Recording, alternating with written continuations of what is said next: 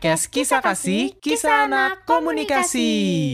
Hai semua, selamat datang di podcast Kisah Kasih, Kisah Anak Komunikasi. Balik lagi dengan aku Zahra. Nah, di topik kali ini aku akan membahas tentang sosial dan budaya di Indonesia.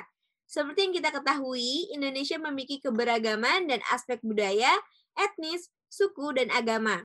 Nah, kalau udah ngomongin suku dan budaya nih, pastinya masing-masing dari kita nih berbeda-beda dong. Ada suku Sunda, Betawi, Batak, Padang, dan masih banyak lagi. Sebelumnya kita udah kedatangan narasumber yang mau sharing bareng kita nih di podcast kisah kasih kali ini. Langsung aja kali ya kita sambut narasumber kita yaitu Aldi. Halo semuanya, perkenalkan nama aku Aldi Handaling dari Senior Aktivis Simkom 2019. Halo Aldi, selamat datang di podcast Kisah Kasih. Halo Zara, gimana kabarnya Zara? Baik Aldi, Alhamdulillah. Kalau Aldi sendiri gimana nih kabarnya? Alhamdulillah baik juga Zara. Oke Di, jadi kan kali ini kita tuh mau ngebahas tentang sosial dan budaya di Indonesia nih. Nah, kalau aku boleh tahu, kamu tuh asalnya tuh dari daerah mana sih, Di? Oke, kalau aku tuh asalnya dari Makassar. Jadi uh, aku tuh keturunan Bugis Makassar sih, soalnya dari bokap nyokap juga kayak gitu. Oh, berarti kamu tuh emang asli dan lahir di Makassar dong ya? Iya, betul banget. berarti kamu ke Jakarta nih uh, ngerantau dong? Iya. Oke, Di. Nah, apa aja sih yang kamu ketahui nih tentang kebudayaan yang menjadi ciri khas di Makassar? Uh, ciri khas dari Makassar tuh ya, sebenarnya tuh kalau kita udah bilang kota Makassar itu tuh nggak jauh-jauh dari kuliner sama wisata. Cuman ini kan topiknya lagi ngebahas adat budaya ya. Nah kalau dari segi budaya paling dari segi nikahan sih. Oh kalau e, nikahan tuh kayak ritual-ritual yang kental akan adat Makassar itu masih dilak dilakuin nggak sih di daerah kamu? Terus uh, biasanya tuh kegiatan itu dilakuin rutin atau cuma sesekali? Kalau buat nikahan kan pastinya kayak cuma sesekali ya. Nah itu ritualnya kayak gimana sih, Di? Uh, karena saya udah keturunan Bugis dari nenek sampai sekarang, jadinya kita tuh yang tetap melaksanakan ritual-ritual dari para leluhur. Jadi hmm. di Bugis itu ada yang namanya nikahan yang apa ya nikahnya tuh uh, bisa dibilang ribet. Karena di Bugis itu uh, butuh beberapa hari untuk menyelesaikan sebuah pernikahan. Ya meskipun pada umumnya emang nikahan ada yang kayak akad ada resepsi terus mungkin kalau dari adat lain tuh ada yang kayak uh, mungkin dari calon mempelai pria dan wanita ada yang melaksanakan acara acara malam. Nah kalau di Bugis tuh bener-bener yang kayak berstep-step banget gitu sebelum kita uh, ke acara puncak di resepsi kayak gitu za. Berarti itu kayak uh, sebelum ada acara dan resepsi itu ada kayak kegiatan ritual-ritual pernikahan adat Bugis yang harus dilakuin ya. Berarti kalau lo mau nikah dengan adat Bugis tuh dari A sampai Z harus dilakuin nggak boleh ngelengkapin step-step itu ya. Ah, betul banget. Soalnya itu udah dikasih tahu dari para leluhur kan harus kayak gini gini gini gini. Sebenarnya kita juga nggak begitu wajib untuk mengikuti sebagai apa ya yang asam sampai itu. Cuman uh, ya orang tua kan pasti kayak malu kalau misalkan kita tahu orang kita tuh orang Bugis tapi nggak ngelaksanain dari A sampai Z susunan caranya kayak gitu. Itu berarti kayak kita tuh harus memegang apa ya ritual dari nenek moyang kita biar hmm ada ya adat istiadat dari Bugis ini ya di. Iya betul. Oke di kan kita tahu nih di era globalisasi seperti sekarang ini banyak budaya Barat yang masuk ke Indonesia dan perlahan tuh menghapus budaya Indonesia. Nah menurut kamu nih apa aja sih tantangan yang kamu rasain sebagai warga negara Indonesia? Uh, tantangan yang aku rasain sebagai warga Indonesia melawan uh, budaya masuk ke sini tuh apa ya? Sebenarnya kalau misalkan udah ngomongin budaya lain masuk ke Indonesia, itu emang udah terjadi dan sedang terjadi di Indonesia. Kalau bisa, eh kalau biasa kita sebut sebagai westernisasi.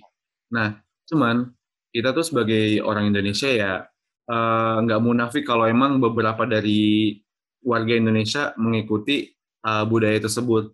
Tapi nggak munafik juga kalau misalkan kita sebagai warga Indonesia masih yang taat akan uh, budaya kita sendiri. Kayak contohnya di saat kita memiliki adat dan suku sendiri dan kita melakukan ritual sesuai adat kita masing-masing, itu juga sudah istilahnya uh, bisa mencegah adanya budaya luar masuk ke kita. Itu lebih ke preventif.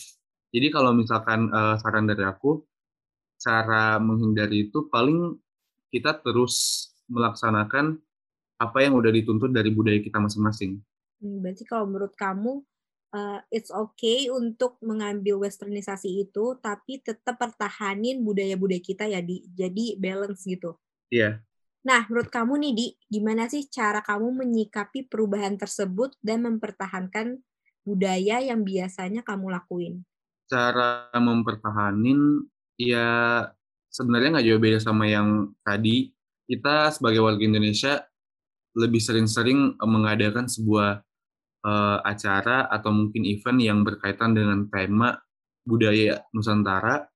Dan kalaupun kita sebagai orang yang taat dan tekun kepada adat dan suku masing-masing ya kita tetap melaksanakan itu karena bagaimanapun juga kita terlahir sebagai warga Indonesia yang di mana kewajiban kita sebagai warga Indonesia yaitu untuk tetap melaksanakan tuntutan-tuntutan dari para leluhur serta kita juga harus hormatlah pada Indonesia karena kita kan emang terlahir dan tumbuh di Indonesia ya di jadi kita harus mempertahankan budaya yang ada agar uh, cicit cucu kita tuh uh, dapat merasai nih budaya yang pernah kita lakuin yang ada dari nenek moyang sampai sekarang.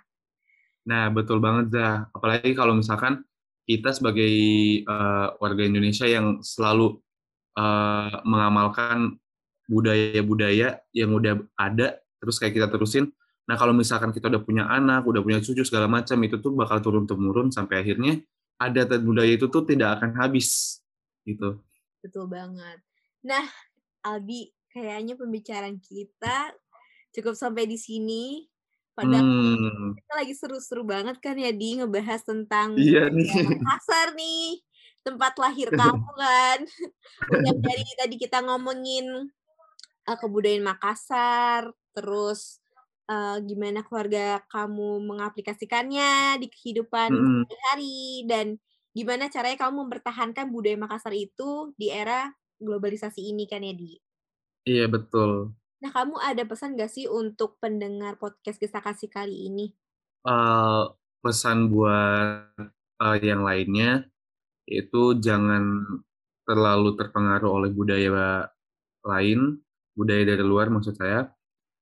Uh, meskipun ada westernisasi yang sedang uh, ada di Indonesia sekarang, tapi jangan lupa untuk terus mengamalkan adat dan budaya kita sendiri.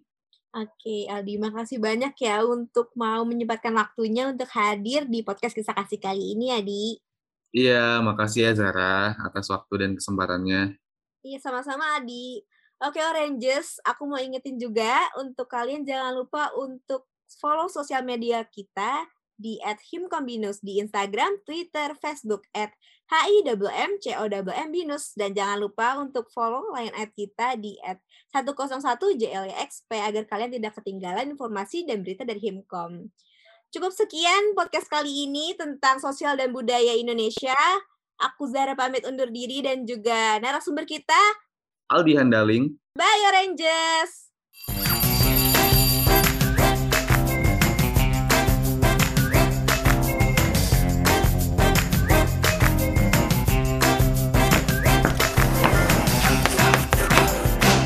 Podcast Kisah Kasih, Kisah Anak Komunikasi.